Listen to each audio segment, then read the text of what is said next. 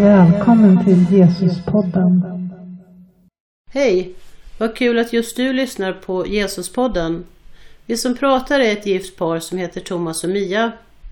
Vi vill även rekommendera Söndagspodden där vi vandrar genom hela Bibeln från början till slut. Uppenbarelseboken är den enda bok som är en uppenbarelse från Jesus själv. Den handlar om de yttersta tiderna och om hur Jesus då till slut ska besegra all ondska.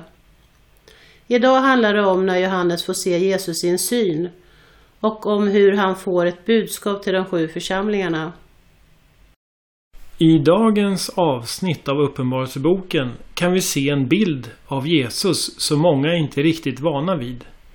Den mest spridda bilden av Jesus är den milda personen som vänder andra sidan till. Som tyst låter sig torteras och dödas för att en väg för människornas räddning ska öppnas. Här är det en helt annan bild. En kraftfull Jesus som kommer för att ta itu med världens all ondska. Och det är ingen som kan sätta sig upp mot Jesus i detta skede. Eldslågor till ögon, röst som vattenmassor. Fötter som polerad koppar som glöder i ugnen och ur munnen ett mycket skarpt dubbeleggat svärd. Johannes som beskriver sig själv i Johannesevangeliet med orden Lärjungen som Jesus älskade blir trots detta så rädd av kraften i synen av Jesus att han föll ner på marken som han var död. Detta är Jesus som kommer för att regera som kungars kung och herrars herre. Och vi vet från andra Thessalonikerbrevet 2 att Jesus kommer med sådan kraft att den mest kraftfulla genom historien mänskliga ledare som styrs av Satan själv och bedrar mänskligheten med kraftgärningar dör endast av att Jesus andas på honom. Jesus som har så mycket nåd, tålamod och en så självuppoffrande inställning för allas bästa är också 100% rättfärdig, absolut rättvis och är faktiskt den som gör slut och dömer all ondska. Båda dessa bilder av Jesus är förutsagda tusentals år i förväg i Bibeln. Båda dessa bilder är sanna och kompletterande. Många människor har svårt att förhålla sig till att båda bilderna behövs för att ge en rättvis bild. Vi tenderar att se det ena eller den andra och det blir fel. Jesus är inte en snuttefilt som vi kan använda efter eget huvud.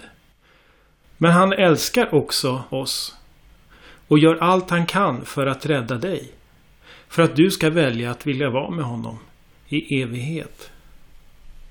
Judarna hade också väldigt svårt att få dessa två bilder att gå ihop. Så genom historien har rabbinerna diskuterat om det inte kan vara så att det finns två messiasgestalter.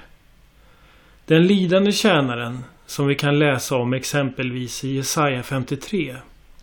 Där står det Han var föraktad och övergiven av människor.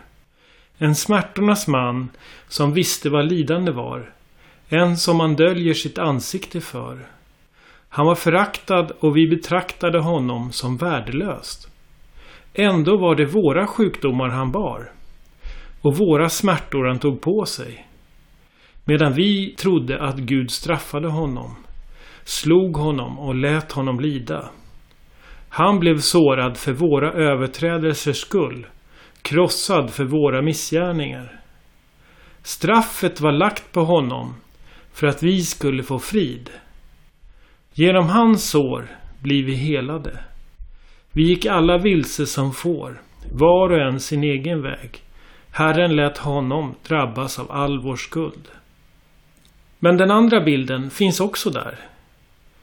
I samma Jesaja, fast i kapitel 11 kan vi läsa Han dömer inte efter det som ögonen ser, skipar inte rätt efter det man hör. Han dömer de fattiga rättfärdighet och skipar rättvisa åt de förtryckta i landet. Hans ord är en käpp som slår ner jorden och med sin andedräkt förgör han det onda. Efter att bokstavligen gått i mänsklighetens skor, lidit för våra missgärningar, så har Jesus all rätt att dra en gräns för ondskan, att döma den och sätta ett slutgiltigt stopp för alla som väljer den vägen. Detta är vad Uppenbarelseboken handlar om.